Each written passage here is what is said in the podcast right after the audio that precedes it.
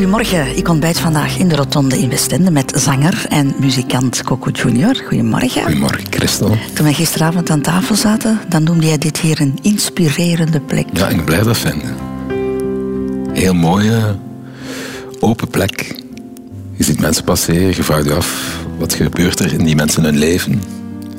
Ik zou hier goed kunnen schrijven. Is dat belangrijk, een plek? Ja, ja, absoluut, een goede plek? Absoluut. Ik, ik probeer ook op locatie vaak te gaan schrijven. Ja, mag ik jou twee uur vasthouden?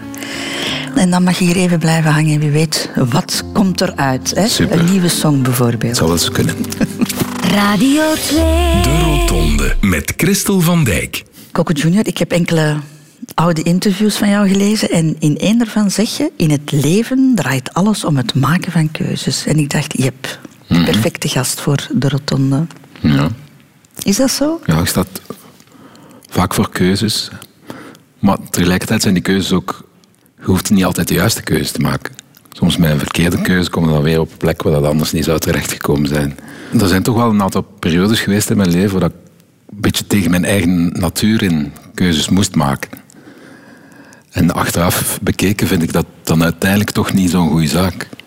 Dus hoe ouder ik word, hoe meer ik met mezelf rekening probeer te houden. Over welke keuzes heb je het dan? Ehm, op een gegeven moment huisje, tuintje, keuken, dat soort dingen. Alleen zo gaan settelen, dat was een beetje tegen mijn natuur in. En achteraf is wel gebleken dat dat dan toch niet de juiste keuze was, inderdaad. Je wordt er binnenkort 55, Oh, Coco ja. Junior. Hoor je het graag? Het is voor het eerst eigenlijk... Dus te zeggen, rond mijn veertigste had ik het er ook een beetje moeilijk mee. Maar dan zo de 15 jaren daarna ben ik er niet meer bij blijven stilstaan. Maar nu de laatste tijd kom je af en toe toch wel eh, reacties tegen van mensen.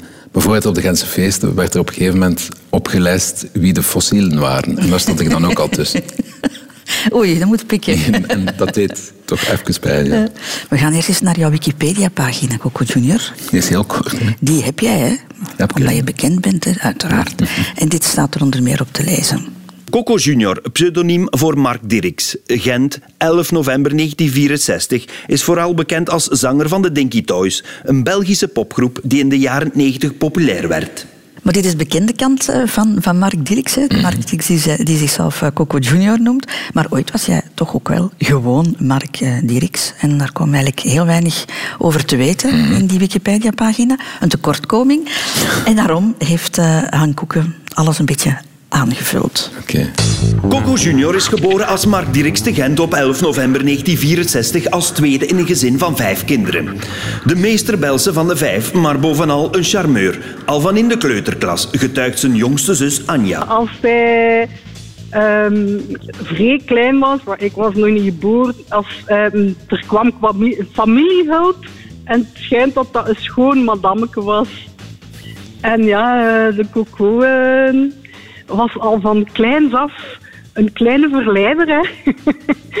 dus dienen had, eh, had de- dat, dat, dat madameke volledig gecharmeerd. Ook zus Catherine bevestigt de analyse van zus Anja gretig. goed kunnen uitleggen. En eh, een, een womanizer, hè, al van kleins af. Hè. Kleine Mark viel op door zijn charmes en grote mond, letterlijk en figuurlijk. En ook door zijn... Nakazoo, koppaar, die had enorm veel haar. Hè. Vertrouwt zus Catherine ons toe. Maar dat hij met die lokken zoveel knappe vrouwen kon bekoren, gaat haar petje toch een beetje te boven. Zo'n vrije schone wals dan niet. Ten huize Dirks werden de vijf kinderen heel kort gehouden, want vader was getuige van Jehovah. Maar rebelse Coco vond al heel snel beter de weg naar het café dan naar de koninkrijkzaal. En werd op café ook al snel betrapt door zijn vader, herinnert zus Catherine zich. Ik weet nog dat hij mijn broer in, in het boontje, dat was zo de place to be voor alle jonge mensen, dat hij hem daar aan zijn haar heeft nog uitgesleurd. Hoor. En dan was hij misschien maar een jaar of dertien. En toen Coco zich een elektrische gitaar aanschafte, was het hek helemaal van de dam. Maar dat is iets heidens en je mocht dat niet. De, eh, ja, dat, dat, dat mocht niet, hè. dat was niet goed. Zoveel met muziek bezig zijn, want dat is de wereld. Maar een ware rebel valt niet te temmen. Coco hield van muziek en van feesten. En als het niet op café mocht, vond hij wel andere oplossingen, lacht zijn kleine zus Anja. Er waren ook al, al, al vrij snel dan we eh, garagefeestjes en al zo hadden. Dat mocht allemaal niet, hè, Jehovah zijnde. En op de garageparties oefende hij alvast zijn dansmoves voor later, vertelt zus Anja geamuseerd. Als, als eh, ja, klein meisje dat hij mm, rock en roll met mij danste en dat ik bijna in de lust ging en zo. Rock and roll, dat zou het geloof van Coco worden. Op zijn 16 jaar ging hij op zijn eigen benen staan om zijn levensdroom waar te maken. Met de gitaar in de hand trok hij er lachend op uit, weet broer Paul. Gewoon eh, naar het zuiden van Frankrijk en, en eh, leven en, en reizen met de inkomsten van het eh, muziekspelen eh, langs, de, langs de kleine festivaletjes en waarschijnlijk langs de, langs de dijk in, bepaalde steden. Dus Coco leerde het leven kennen en zou er met volle teugen van genieten. De rebel, de charmeur, het showbeest werd een gekend figuur in het Gentse uitgangsmilieu. Ondertussen werkte hij als DJ en muzikant en op zijn 27ste werden de Dinky Toys geboren. En de rest is history. Drie rode draden eigenlijk. Hè. De, jouw rebellie, de, strenge opvoeding, maar daar gaan we het straks over hebben. En dan jouw zussen, die hebben het alsmaar over jouw charmes als kind. Mm, Ik wist niet dat dat ook bij hen zo duidelijk was geweest. Dat heb jij nooit zo aangevoeld als, als, als kind? Goh, niet, niet dat ik daar bewust mee bezig was, maar ik moet wel zeggen, zo, het verleden is voor mij toch een grote zwarte vlek. Ik ben daar niet mee bezig, dus ik vergeet heel veel. Is ik het vind dat echt? dat wel leuk om op die manier er weer mee geconfronteerd te worden. Maar, Ja? Maar wat mij wel opviel, is dat, dat is ook iets dat vaak werd gezegd, dat van kleins af had ik een diepe stem ook. En dan, als ik heel kleintjes was, lange blo- blonde krullen. Dus ik denk dat dat heel, een heel creepy combinatie moet geweest zijn. Zo'n klein mannetje. Een bijna een, horror, een horrorfiguurtje. Ja, en die zwarte zonnebril misschien ook al. Eh, ik ben vrij vroeg geconfronteerd geweest, maar ja, laten we zeggen, in mijn vroege puberteit met migraine. En voor een stuk komt dat door te veel aan licht. Dat is een van de boosters voor mij. Dat is een combinatie van voeding, de verkeerde voeding, met dan eh, te veel aan licht. Dus ik probeer daar zoveel mogelijk Ah, eh, voor te zijn. Het heeft, het heeft een, een, iets functioneel. Ik dacht dat het gewoon uit ijdelheid was. Coco Junior. Dat is niet altijd even handig. Maar nee, want ik kan dus niet tegen fel licht, sowieso niet. De Rotonde. Radio 2. Radio 2. Coco Junior op eh, de rotonde van het leven is geboren worden. De allereerste afslag. Hè. Je bent eh, de tweede in, een, in, in een gezin van vijf kinderen. Druk gezin, hè? Ja, dat is een beetje cliché familieklepjes zo. Ik ken mij nog naar het zuiden van Frankrijk, allemaal samen in de NATO. Dat was toch een beestenboel eigenlijk. Hou dat maar onder controle. Kon je daar goed tegen, tegen die drukte? Enfin, ik ben een beetje sensitief, hoogsensitief ook. En ja, het mag niet te druk worden. Ik ben nou eigenlijk pas op latere leeftijd te weten gekomen doordat mijn oudste zoon ook ADD heeft, eh hoogsensitief is. En nu weet ik dat een plaats te geven, nu weet ik van waar dat komt. Maar vroeger was dat gewoon van, mm, mm, hier kan ik toch niet zo goed tegen. Dus ik trok mij af en toe wel eens terug. Ja? Had je je eigen plekje in huis waar je... Ja? Gordijnen dicht en naar de Beatles luisteren en gitaar spelen. Weet je wel. Dat heeft mijn jongste zoon ook. Dat zich terugtrekken op zijn kamer. Hm, Voelde jij het toen een beetje raar of, of anders dan andere kinderen? Omdat je dat nodig had? Voor mij was dat de meest normale zaak van de wereld. Maar ik denk dat voor, ik werd wel af en toe op gewezen. Maar ik heb ook altijd een heel sterke fantasie gehad. Ik kon in mijn fantasiewereld van alles en nog wat gaan oproepen. Mijn eigen films regisseren in mijn hoofd. En die dan ook zelfs bijna fysisch uitvoeren. En dat is ook iets dat op latere leeftijd mij heeft geholpen bij het schrijven van nummers bijvoorbeeld. Wat voor gezin was het? eh? ik bedoel, om te beginnen, jouw vader was, was militair. En het is misschien een cliché om zo te zeggen, maar bij een militair denk ik altijd aan orde, structuur Ja. en tucht. Was dat bij jullie ook zo? Dat gecombineerd dan met het feit dat hij Jehovah's getuige was, ja, dat heeft wel een beetje... Maar mijn ma was niet mee. Snapte? Dus dat zorgde daar al voor een soort van conflict. En als ons pa dan niet thuis was, dan was het feest. Dat was Ah, echt ja. zo, als de kat niet thuis was, dan dansten de muizen. Dus eh, die straffen waren dan ook wel redelijk militaristisch. Maar bij ons ma mocht dan van alles en nog wat. Dus we hadden genoeg compensatie eigenlijk. om Dat was de verzachtende factor. Maar hoe moet ik me dat voorstellen? Militaristisch opgevoed zijn? Bijvoorbeeld, allee, een voorbeeld eh, als we iets mispeuterden, dan moesten we tien minuten met onze armen in de lucht in de nook gaan staan. Om maar iets te zeggen. Dus dat waren dan zo van die kleine martelingen, maar we moesten het echt voelen. Weet je? En Mijn pa was ook zo iemand die eh, alles geregeld en proper en op de juiste manier opgevouwd en weet ik allemaal niet. En blijkbaar heeft dat toch een nefast effect, want er, is niemand van ons echt ordelijk. dus al ja, ter compensatie waarschijnlijk. Past het toch niet bij jou, denk ik, dat soort opvoeding? Als hoogsensitief kind. Nee, maar ik denk dat dan het feit dat ik heb moeten rebelleren, ik vind dat uiteindelijk allemaal niet zo erg. Weet je? Dat heeft mij gevormd tot wie ik nu ben. Dat is waarschijnlijk de reden waarom dat ik liever buiten de lijntjes kleur. En ik vind ook dat buiten de lijntjes de spannendste dingen gebeuren. Ook meest leidend tot vernieuwing. Dus ik, ja, ja, ik kan me inbeelden dat ik vroeger wel gesakkerd heb, maar uiteindelijk, achteraf bekeken, heb ik overal vrede mee. Ja, ook met, met de godsdienst van jouw vader en getuigen van Jehovah, dat drukt toch ook een stempel op. Tuurlijk, op en net ook daarmee dogma's en al dat soort dingen, dat is allemaal niet aan mij besteed. Ik wil ook verder kijken naar mijn nieuwslang is. Gewoon, ik ben nieuwsgierig om te weten te komen hoe dat nu eigenlijk allemaal in elkaar zit. Want ook bij de Jehovah's getuigen was er behoorlijk wat fake news.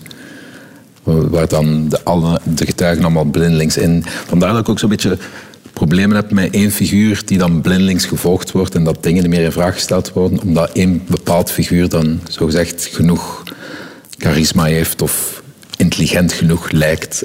In hoeverre moest, moesten jullie daarin meegaan, in, in die godsdienst? Maar dat is wel bij iedereen even geprobeerd geweest. Ik weet ook zo, iemand die de chouchou van papa wil, zijn, die ging dan even mee naar de Koninkrijkszaal. Maar dat bleef meestal niet lang duren. Dus ik denk dat hij op een gegeven moment dat ook wel heeft opgegeven. Om te proberen iedereen te motiveren. Dat lukte dus duidelijk niet. Maar langs de andere kant zijn er ook een aantal dingen, basis-christelijke waarden, die, die we meenemen en die we meegenomen hebben, die voor mij nog altijd belangrijk zijn. Het is niet dat dat alleen maar Larry en apenkool was natuurlijk. Dat is ook mijn verdere filosofie geworden, van uit elke geloofsovertuiging valt wel iets mee te nemen. Radio Radio 2. Over de afslagen van het leven. De Rotonde. We hebben het daarnet over gehad, Coco Junior. Je bent opgegroeid in een heel streng gezin, streng religieus ook. En zorgde ook voor conflicten. Hè? Ja, ik ben vrij vroeg van huis weggegaan, omdat dat was een escalatie op een gegeven moment. Mijn jongste broer, die wou ehm, grafische vormgeving volgen op een katholieke school. Dat was zo de beste school om, om die richting te kunnen volgen. En hij mocht niet van mijn vader, omdat daar... eh, dat was een katholieke school en er werd dus godsdienst gegeven. Wij moesten naar de zedeleer, maar in de zedeleer werd ons duidelijk gemaakt dat God eigenlijk niet bestond. Dus dat vond ik zo hypocriet. Uiteindelijk, ja, de Jehovah's getuigen baseren zich op de Bijbel, zoals de katholieke leer. Het gaat alleen over komma's en punten die anders worden geïnterpreteerd. En zeker omdat mijn, mijn broer daardoor heel veel kansen heeft gemist, want er was echt een richting voor hem. En hij mocht dat niet doen. Hij mocht dat niet doen.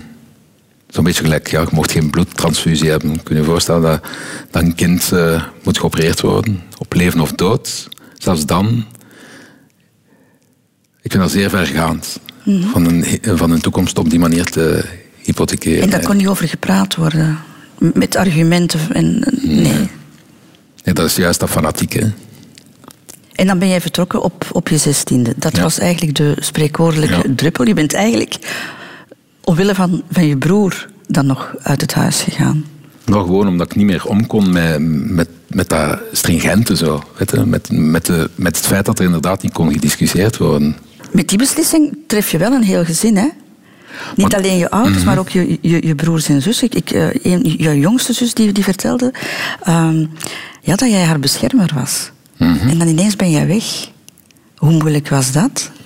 Dat was natuurlijk niet evident, maar tegelijkertijd denk ik net door door te breken, dat dat dan ook een opening eh, forceerde voor de rest. Dat de rest het dan iets makkelijker had. Is dat gezin veranderd door jouw keuze dan? Ik weet dat niet, maar ik denk dat iedereen op zich wel veranderd is. En iedereen moet er natuurlijk ook zijn. Maar ik heb, ik heb er ook wel mee geworsteld hoor. Dan, inderdaad, zo mijn, mijn jongste zus, dat was zo. Die wou het beschermen en op een gegeven moment moet je daar dan wel afstand van nemen. Maar het is zo, het het zijn keuzes die je moet maken hè, op een gegeven moment. Ja. Maar dan, je bent 16 jaar en je gaat bij een vriendin wonen. Word je daar afhankelijk van eigenlijk? Ik weet niet of dat de afhankelijkheid... allee, dat was, het was avontuur in ieder geval. En dus al een vroege stap, maar ik ben altijd wel een beetje voor geweest op mijn leeftijd, heb ik de indruk. Ik heb dat nooit als een afhankelijkheid gezien in ieder geval. Dat was gewoon de beste oplossing op dat moment. En het was niet zo... we woonden niet samen. Hè. Ik verbleef dan even bij mijn vriendin en dan passeerde ik wel nog eens thuis als mijn pa er niet was. Dat was een soort van tussenoplossing. Als het ware. Maar Ah, op mijn achttiende ben ik dan wel gaan samenwonen. Moest je jezelf ook financieel helemaal redden, alleen? Er was wel wat hulp van onkels en tantes. Maar ik ben vrij vroeg beginnen werken als baarman in, eh, op café. En uiteindelijk is dat zo'n beetje de universiteit van het leven, want dat was redelijk confronterend ook. Ik weet nog, op mijn achttiende werkte ik in een café waar nogal veel kook werd gebruikt. Ik ben er altijd heel categoriek tegen geweest. Maar het feit dat je daar op die leeftijd al mee geconfronteerd wordt, vormt u ook wel een beetje. En dan begin je ook dingen te lezen die andere mensen dan misschien niet zien. Maar op je achttiende helemaal je plan moeten trekken, was je er niet ongerust over? Nee. Enfin, mijn broer zei het dan net. Hè. Wij trokken naar het zuiden van Frankrijk en gingen op straat gaan spelen. En je vertrekt zonder geld, je je begint te liften. En uiteindelijk ja, ben je dan wel aangewezen op je eigen talent. Je leert daar immens veel van. En je wordt zelfredzaam. Hè. Dus ik heb eigenlijk nooit geen, geen schrik gehad dat het financieel eh, niet goed zou komen. Is dat een geruststelling voor de rest van je leven geweest? In de zin van, ik kom wel op mijn pootjes Ja, er zijn, er zijn natuurlijk, bijvoorbeeld de crisis van 2008, dat was een moeilijk moment, want ik deed vooral eh, bedrijfsfeesten. En dan had ik ook een studio waar dat televisieprogramma's werden gerepeteerd enzovoort. En je voelde dat op dat moment ja, dat de budgetten aan het verminderen waren, dat het allemaal niet meer zo evident was. En natuurlijk ook bedrijven gaan dan op dat moment geen bedrijfsfeest meer geven. Dus dat was een financieel iets mindere periode.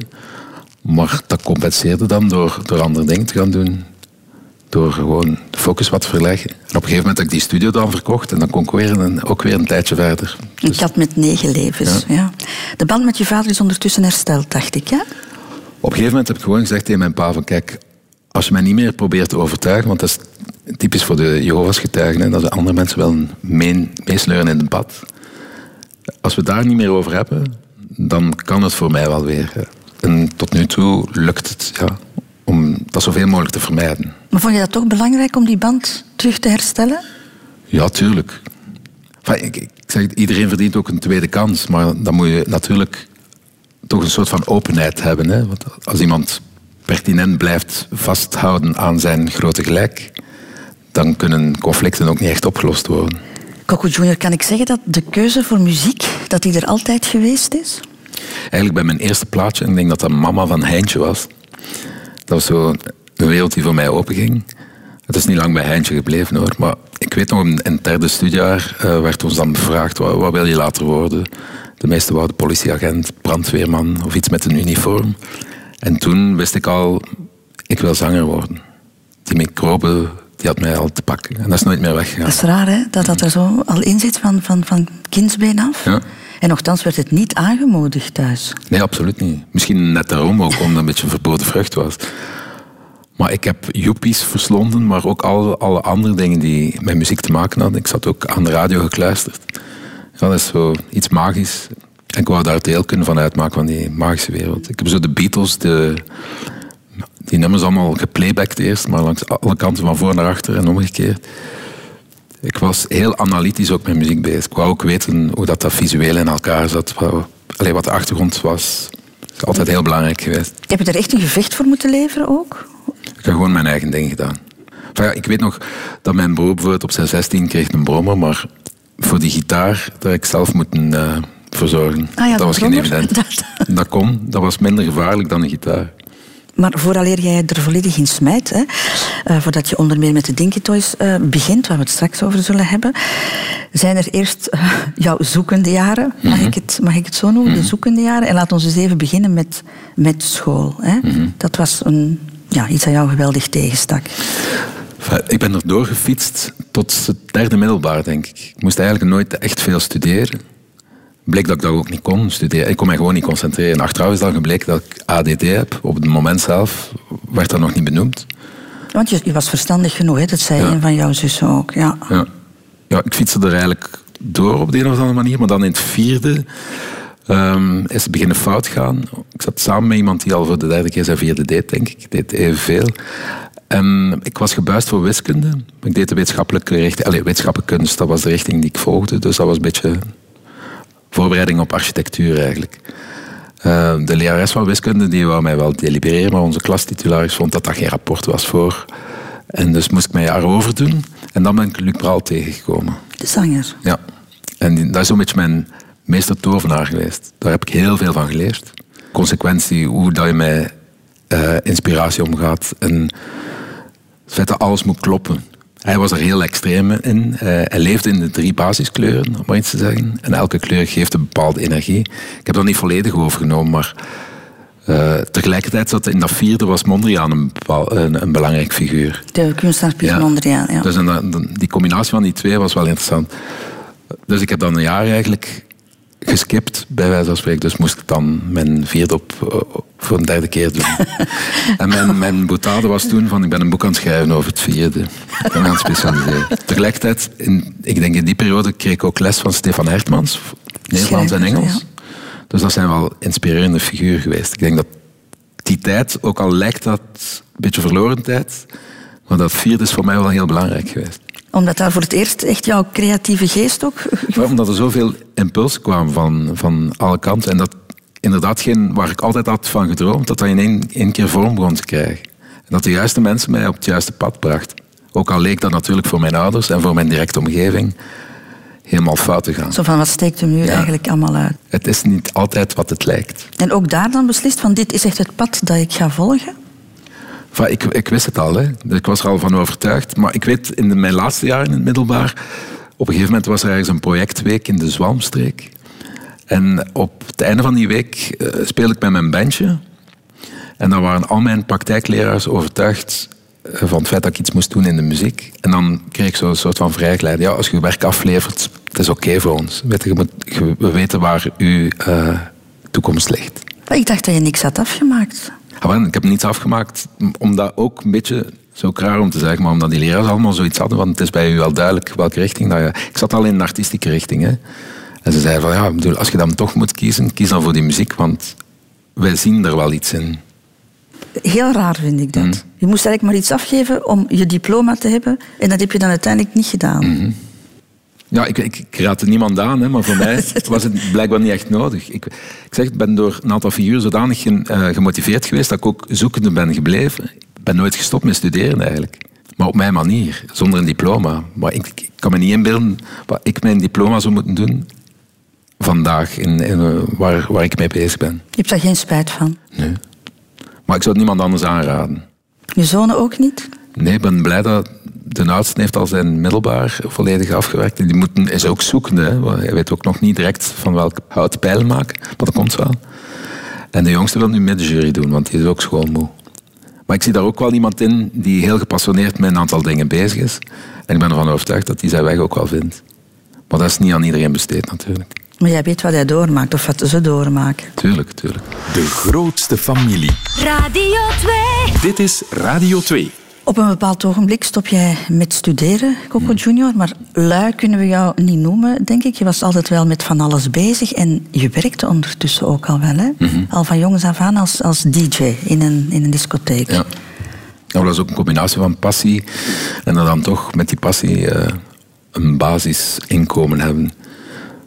Ik heb dat altijd leuk gevonden. Het was niet altijd even evident, maar dat avontuurlijk heeft mij ook altijd wel aangesproken. Je moet jezelf wel overtuigen, want er zijn genoeg mensen die DJ willen zijn.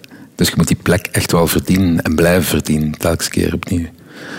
En dus vandaag ook ik zit in een periode in mijn carrière waar dat mensen niet automatisch naar optredens komen.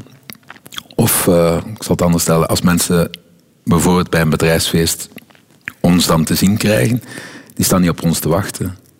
En ik moet die overwinnen of voor mij winnen. En dat vind ik eigenlijk het mooiste aan op een podium staan, is die gemoedsbeweging teweeg brengen. En dan Ah, ja. op het einde zorg voor applaus. Ik vind applaus op het einde veel belangrijker dan applaus in het begin. En dat is mijn leven altijd eigenlijk wel voor, voor stuk geweest. Niets is evident, hè.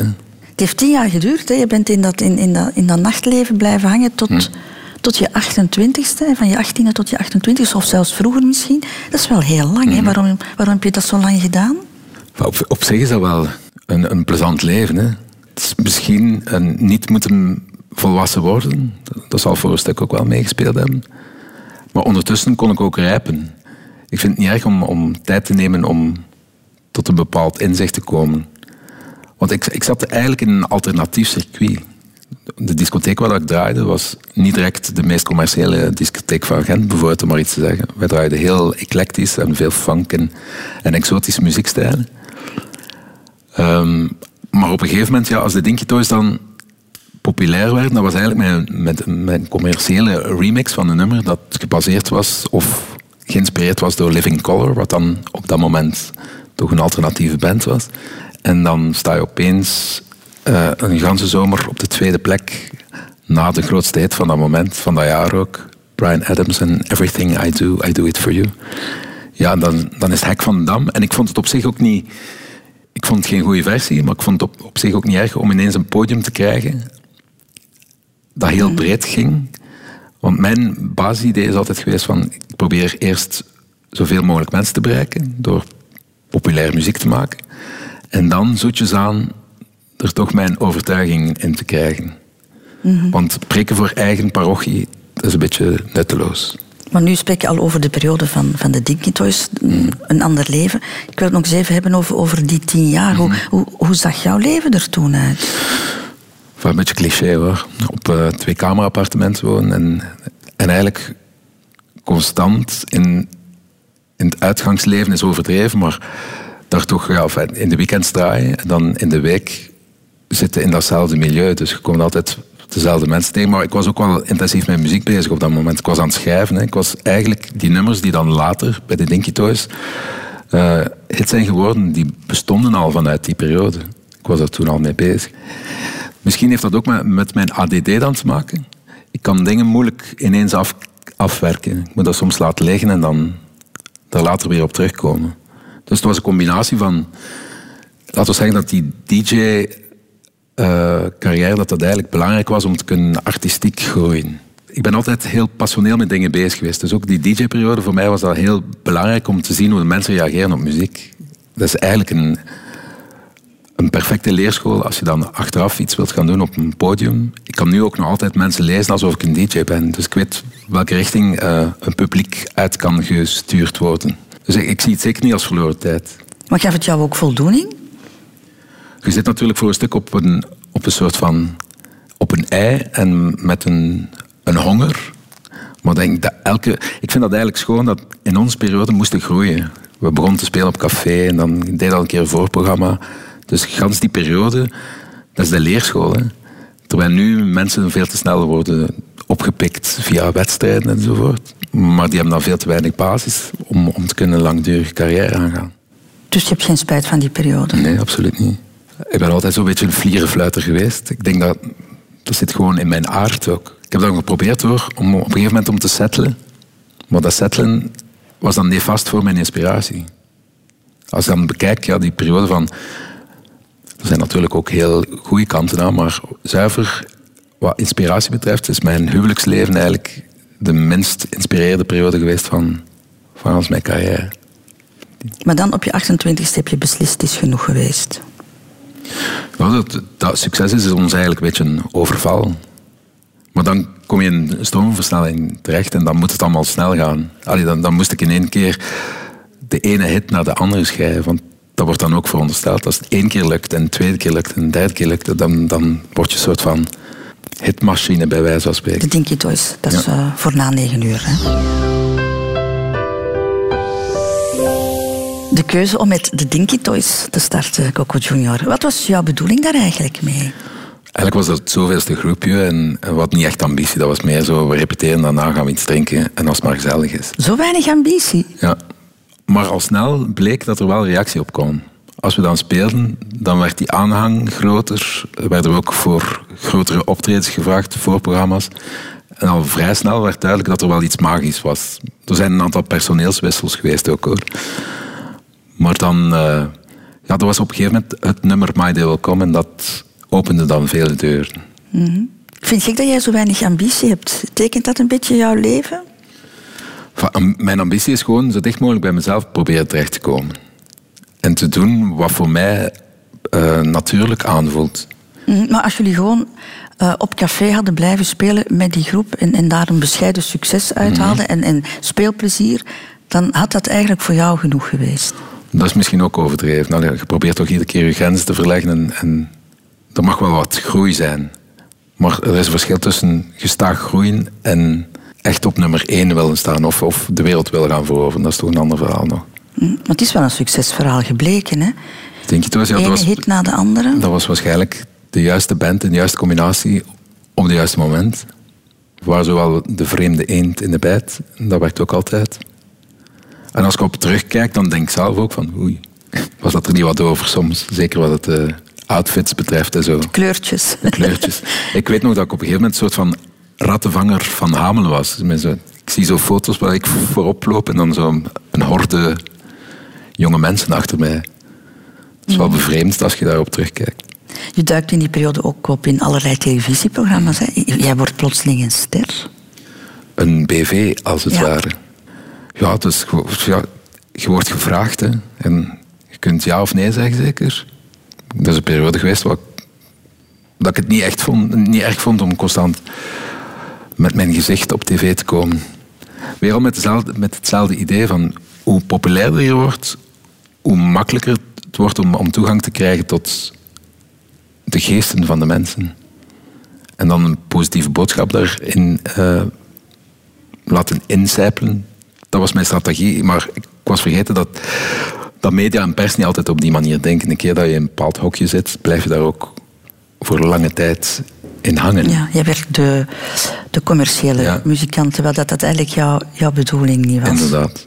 Dat is een beetje een misvatting. Is dat een frustratie?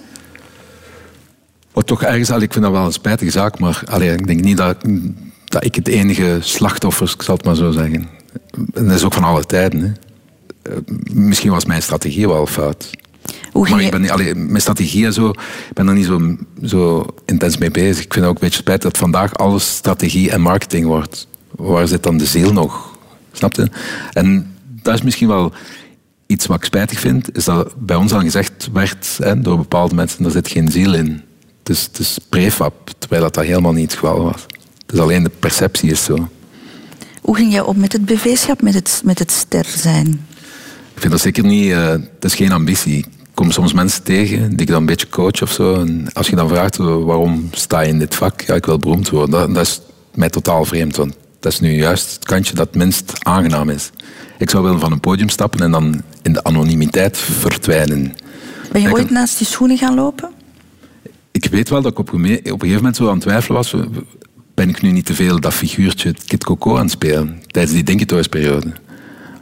Dat is niet direct naast je schoenen lopen, maar dat is niet meer in je eigen schoenen staan, bij wijze van spreken. Dat vond ik op een gegeven moment wel confronterend. Dat je bijna die bandana zou constant opgehouden hebben, om zo het gevoel te hebben van anders weet ik niet meer wie ik ben. Dus de Mark was je een beetje kwijt toen. Ja. En dat is nog een aantal keer gebeurd. Vandaar die keuzes. Hè. Je kiest op een gegeven moment, maar is dat wel de juiste keuze? En nu probeer ik zo dicht mogelijk bij, bij mezelf te blijven. En dan na vier jaar, volle succesperiode, jij trekt de stekker eruit. Voor mij was het een beetje op. Eh, ik had nood aan iets anders. Misschien ook die combinatie inderdaad van te veel in de belangstelling staan. Eh, er, eh, er zat redelijk wat gewicht op mijn schouders, want op een gegeven moment begon ik ook de productie te doen. Ehm, alle nummers kwamen al van mij. Ehm, en ik had het gevoel dat ik een beetje te veel aan de kar aan het trekken was en de rest er gewoon op zat, bij wijze van spreken. Hij wachtte tot wanneer ik initiatief nam. Het moet een wisselwerking zijn en als je het gevoel hebt dat, dat de energie alleen maar wordt weggezogen, dat er niets voor in de plaats komt, of te weinig voor in de plaats komt, ja, dan is het op een gegeven moment op. Hè. Misschien stond er anders een burn-out aan te komen. Is het echt? Ik denk dat wel, ja. En zeker ook artistiek. Op een gegeven moment is het verhaal wel verteld. Ik had zo het gevoel van, nu moet ik een andere stap nemen. We hebben een paar jaar geleden nog een reunie gehad. En toen was voor mij na, na de kortste keren ook weer duidelijk ja, dat, we, dat het weer hetzelfde was. Dat, de energie van mij moest komen. En ik heb er op zich geen probleem mee, want dat doe ik nu dagdagelijks. Maar dan hoef ik ook niet terug te kijken. Ik kan gewoon gaan. Er zit geen rem op, bij wijze van spreken. Maar dan verdwijn je eigenlijk een tijdje. Hè? Journalisten vroegen jou onder meer van, waar ben jij nog mee bezig? Je, moet, je gaat op bedrijfsfeesten spelen. En is dat niet moeilijk? Ook Junior, je bent een, een, een ster en plotseling sta je daar op een bedrijfsfeest voor zatte werknemers. Enfin, ik, vind, ik vind dat echt geen probleem. En ik kijk er zeker ook niet op neer, want dat is de realiteit. Weet je? Het is maar sinds laten we zeggen, 50 jaar dat, dat er popsterren, echte popsterren bestaan. Daarvoor waren, er- allee, waren mensen met niet anders bezig. Muzikanten waren gewoon, die speelden op feesten, partijen. Dat is ook een beetje de basisfunctie van, van een muzikant, denk ik. Van mensen te animeren en te reanimeren indien nodig. ik heb daar nooit op neergekeken. Dat is gewoon een fase. Als ik op een podium kan staan en mensen kan een goede avond bezorgen, dan maakt dat eigenlijk niet uit welk podium dat, dat is. Je droomt niet meer van één grote hit? Ik, ik, ik, ik zou natuurlijk graag hebben dat mensen mij ook nog herinneren door andere nummers dan, dan de hits van de Dinky Toys bijvoorbeeld. Maar ik ben ook heel realistisch. Vandaag is, zit dat gegeven totaal anders in elkaar. Je zit met, met een bepaalde leeftijd, een keer dat je boven een bepaalde leeftijd bent, ben je al niet meer welkom op bepaalde jongere zenders, wat ik begrijp. Maar dat zijn wel de, de zenders die die hits maken. Dus de kans dat er dan nu nog een... Misschien moet ik het voor iemand anders schrijven. Is dat realistischer? Maar ik heb er vrede mee hoor. Ik, vind dat echt, ik zeg, op dat vlak heb ik misschien iets te weinig ambitie. Jij kan je wel heel, heel gemakkelijk neerleggen bij dingen, precies. Hè? Ja, de situatie is wat de situatie is. En je kan dat in je leven laten bepalen, maar je kan dat ook zien als de volgende stap. Waar je dan moet op anticiperen. En dan, dat is een keuze die je zelf maakt. hè. Zullen we het dan nu eens over de afslagliefde hebben, Coco Junior? Ja hoor. Schuifel, schuifel op, op de stoel. Toch geen moeilijk onderwerp? Nee, absoluut niet. Je nee, bent- dat, is, dat is een van mijn grote passies. Ik wil de li- liefde savoureren. Voelen mij al mijn zintuigen. En als dat heel intens is, dan is dat ook super inspirerend. Dan kan ik nou een volledige plaat over één affaire schrijven, om maar iets te zeggen. Had je al snel eh, interesse in, in meisjes? Misschien iets te vroeg. Ik weet nog, als iedereen aan het voetballen was, trok ik met de meisjes op. En op een gegeven moment, als ik dan zin kreeg om te voetballen, waren de jongens in één keer allemaal geïnteresseerd in de meisjes. Dus qua timing was dat misschien perfect. ik voelde dat dat wel een meerwaarde was in mijn leven. Telkens als ik verliefd werd of mij stortte in een avontuur. In welke zin? Maar je, je voelt toch echt aan al je zintuigen dat je aan het leven bent op dat moment. Die vlinders in de buik. eh. Ik, ik reed 's morgens eerst naar mijn lief om een kus te geven die smaakte naar koffie en kaas. om dan verder te rijden naar school. En s'avonds weer terug. Ja. Maar had je ook bepaalde verwachtingen van de liefde? Misschien was ik daar eerst wat idealistisch in. Ik ben telkens keer, eh, als ik eraan begon, dacht ik, dit is voor het leven. Toch die, zeker die eerste jaren. En al, al gauw word je dan met de realiteit geconfronteerd. Dus het kiezen voor elkaar, twee mensen die echt kiezen voor elkaar, dat heb jij wel gehad. Ja, absoluut. En ik probeer dat telkens keer ook weer te doen. Er volledig voor te gaan. Ik denk dat ik een gever ben, dus op alle vlakken hoor, redelijk eh, altruïstisch in het leven sta. Ehm, op een podium moet je ook geven. Dus bij mij is dat de meest normale gang van zaken, is mij te smijten, mij volledig bloot te geven en ervoor te gaan. Uiteindelijk kies je voor een, een langere relatie. Je bent heel lang met, met Gina Lisa samen geweest. Ehm, jullie gaan samenwonen, een, een huwelijk zelf. Ja, dat was een keuze die voor mij niet evident was. Ik stond nogal vrij in het leven, wat niet wil zeggen dat je niet kan kiezen voor iemand, maar het is ook een boetade. Ik heb liever dat de deur op een kier staat dan dat, dat zo volledig gesloten is. Maar op een gegeven moment had ik wel zoiets van, oké, na, laten we zeggen, toch al een, een liefdescarrière die al een kleine 15 jaar had geduurd. En waar wel het een en ander gepasseerd het een en was. ander had meegemaakt, had ik zoiets van: oké, misschien is Gina wel degene die de meeste punten heeft op alle vlakken. Dus dat is dan misschien wel de juiste keuze om hier dan vol voor te gaan. Dat lijkt me heel rationeel. Dat was een bedacht. beetje, eh, achteraf bekeken, te rationeel, denk ik. Alhoewel wij ook al parcours hadden doorlopen met hoogtes en laagtes. Maar dat was wel zo een, een constante. En ik had wel het gevoel van, hier kan ik een soort van thuisbasis creëren. Maar de, de passie was misschien te snel zoek. Waardoor dat dan een soort van routineus gegeven wordt en dat je een beetje als broer en zus naast elkaar begint te leven. Ongeweld zeker hoor. Dat was frustratie van mij. Maar, ik snap ook wel als iemand dan zelf wil eh, ontplooien op alle mogelijke vlakken. Dat dat niet altijd mogelijk is om dat binnen een relatie te doen zoals de onze. Gina heeft ook ooit gezegd, ik wil niet in, in uw schaduw blijven staan. En ik snap dat ook wel. Maar daar is misschien ook wel fout gegaan door, door dan zodanig met, met twee verschillende carrières bezig te zijn, dat je dan te weinig nog in de deelverzameling hebt. Jullie zijn uiteindelijk uit elkaar gegaan. Was dat ook een daad van liefde? Ik denk het wel, ja, want het is loslaten op een gegeven moment. Hè. Ja, mensen kunnen elkaar kapot Ja, maken als ja. ze samen blijven. hè? Ik denk dat het is eh, gelukkig nooit zo ver gekomen, maar dat er anders wel te veel frustratie zou geweest zijn. En dan wordt het verzuurd en dan, dan is het helemaal niet meer wat, wat geen een van beiden zou gelukkig maken. Dus dat was de juiste keuze, daar ben ik nu van overtuigd. En als ik er met mijn kinderen over praat, dan is dat eigenlijk allemaal vrij vlekkeloos verlopen. Dus het was een moeilijke beslissing hoor, want ik ben ook iemand die, als ik dan voor iets ga, En is daar nu een evenwicht in gevonden in, in die relatie? Ja, we komen nog altijd goed overeen. We doen nog projecten samen en zo. En natuurlijk, ja, voor onze kinderen moeten we regelmatig de koppen samensteken. En we zitten op dat vlak wel op dezelfde lijn. Heb je daarna stabiliteit gevonden op dat gebied? Ik ben teruggegaan naar mijn eerste passie. En dat is proberen zo passioneel mogelijk in het leven te staan. En ik ben ook geïnteresseerd in dingen die, waar een hoekje van af is. Dus ik heb relaties gehad met persoonlijkheidsstoornis. Ik heb er zelf ook een, hè, ADD. En ik denk, ik ben ervan overtuigd dat de meeste mensen wel afwijken van, van de norm.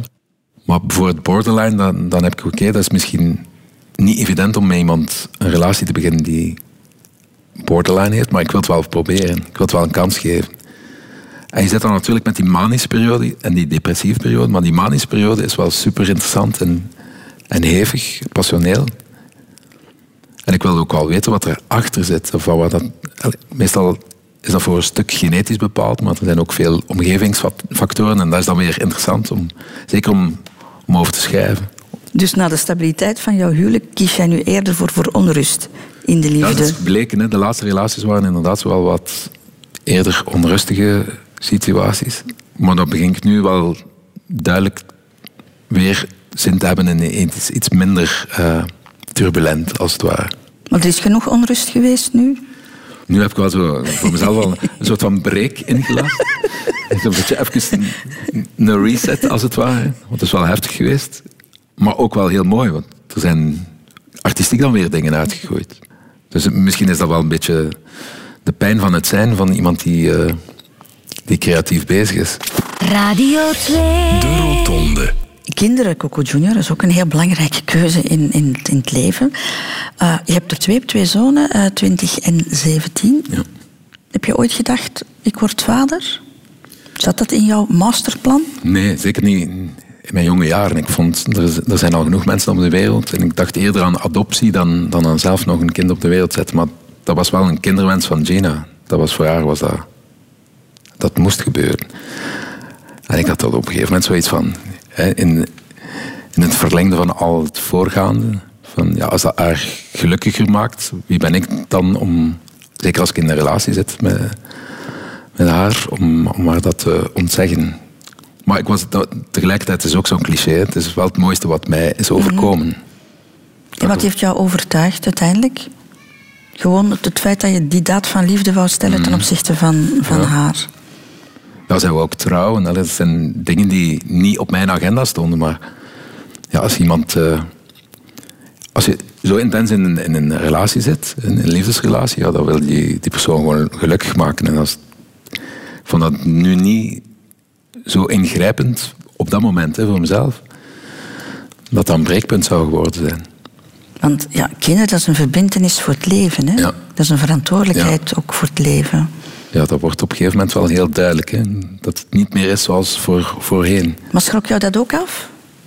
Dat is iets wat je niet kan wegzetten, hè? Nee. waar je niet van kan weglopen. Nee, op een gegeven moment ben ik er wel volledig ingedoken. Ik weet ook nog in die, in die zwangerschapsperiode het, het zoeken van een naam. Ik vond dat zo belangrijk. Voor, voor veel mensen vinden, ja, zeker de perceptie weer, zo, waarom zo'n rare naam en waarom niet Jan en Piet? Zion en... Zion Noah, van iedere keer dubbelnamen, en Jaro Nesta.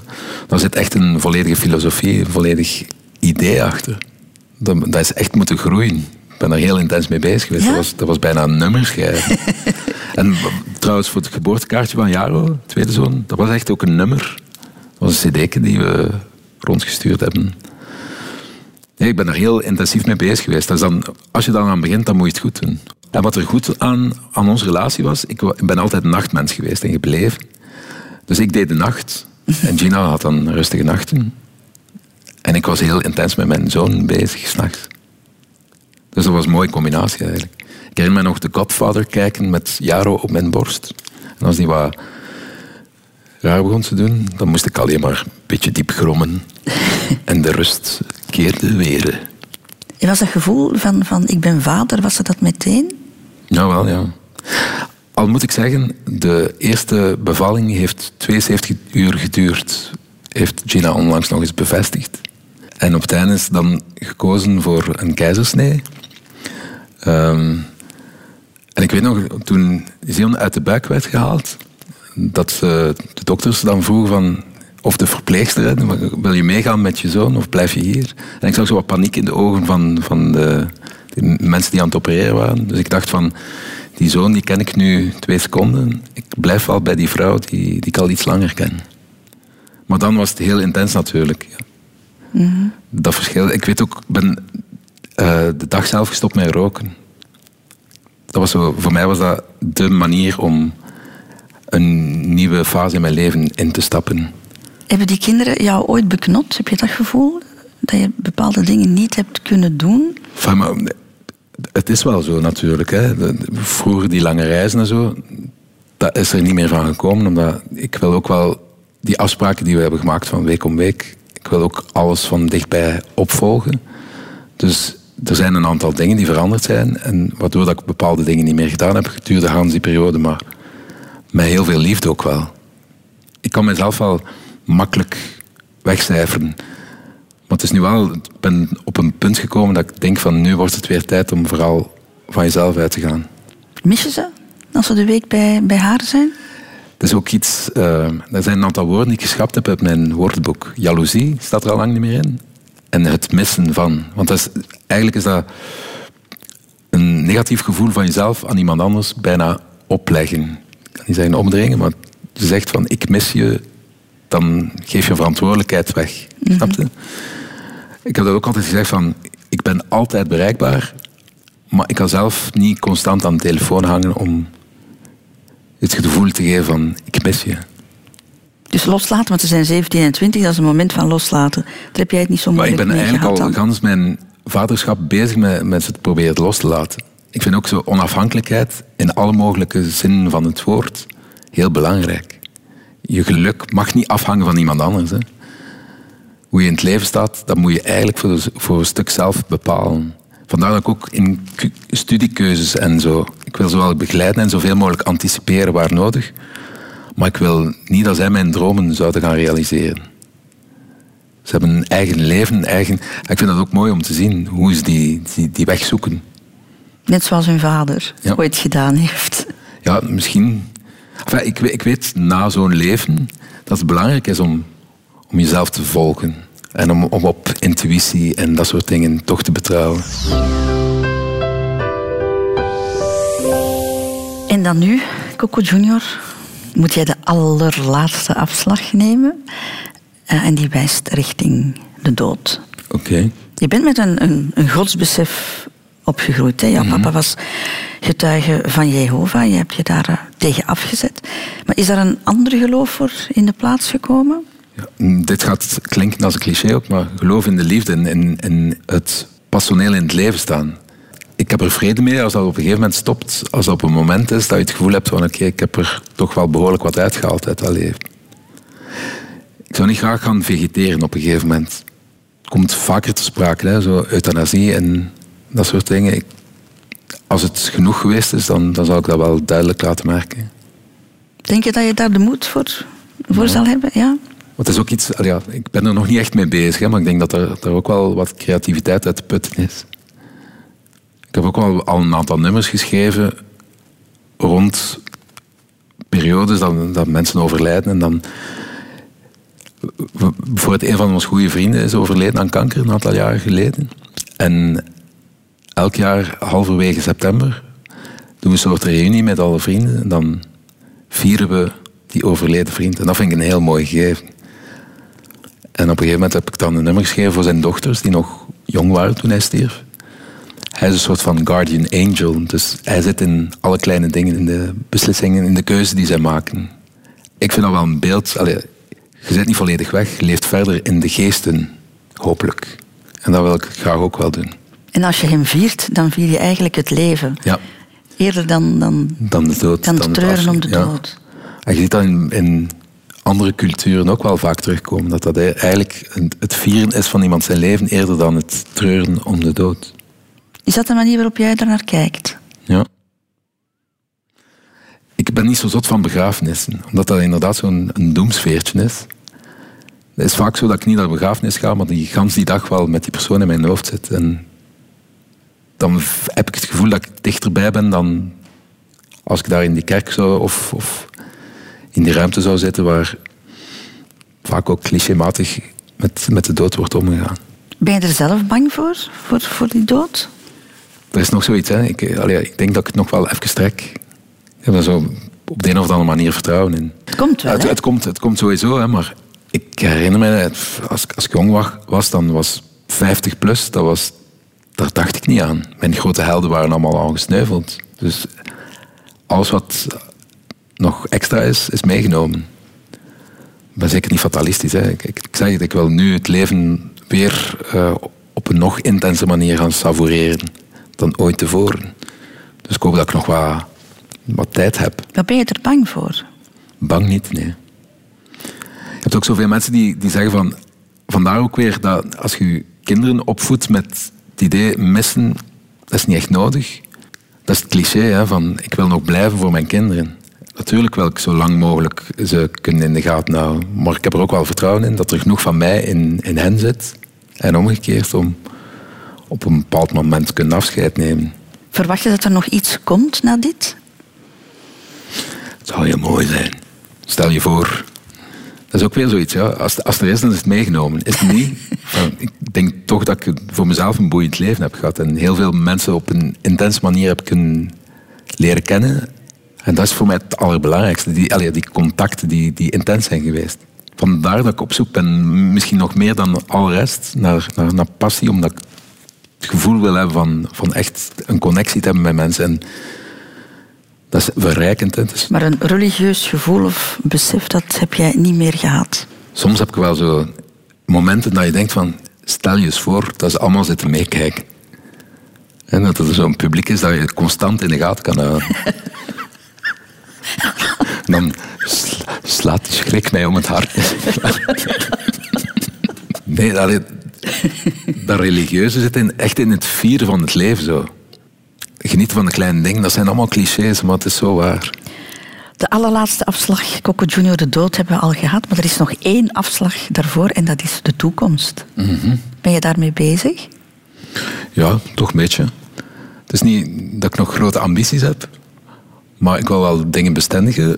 En ja, mijn droom is ook van wat meer mijn horizon nog wat te verbreden door, door te reizen. Door ja, zo van die dingen die, die op mijn bucketlist staan. Bijvoorbeeld de volledige kust van de Middellandse Zee is aftoeren. Dat zou ik graag doen.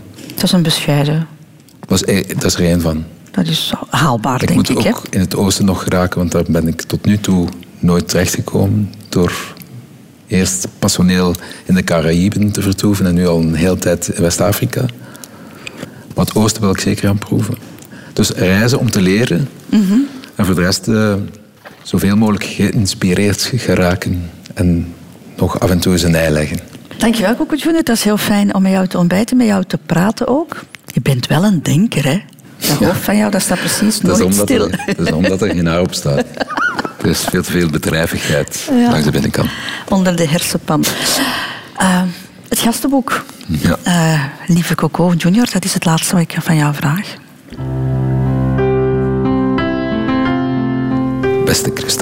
Alles maakt naar meer hier in de rotonde. De tijd gaat snel, maar we gebruikten hem wel. Ik heb het gevoel dat ik mezelf weer iets beter ken. Waarvoor dank. Communication is key. Dus ik vond hier een sleutel voor een volgende stap in dit al rijk gevulde leven. Ik hoop dat mijn bijdrage zinvol was. Ik heb er in ieder geval nog meer zin in gekregen. Thanks for the views and inspiration. Zeer genegen, Coco Junior. Radio 2.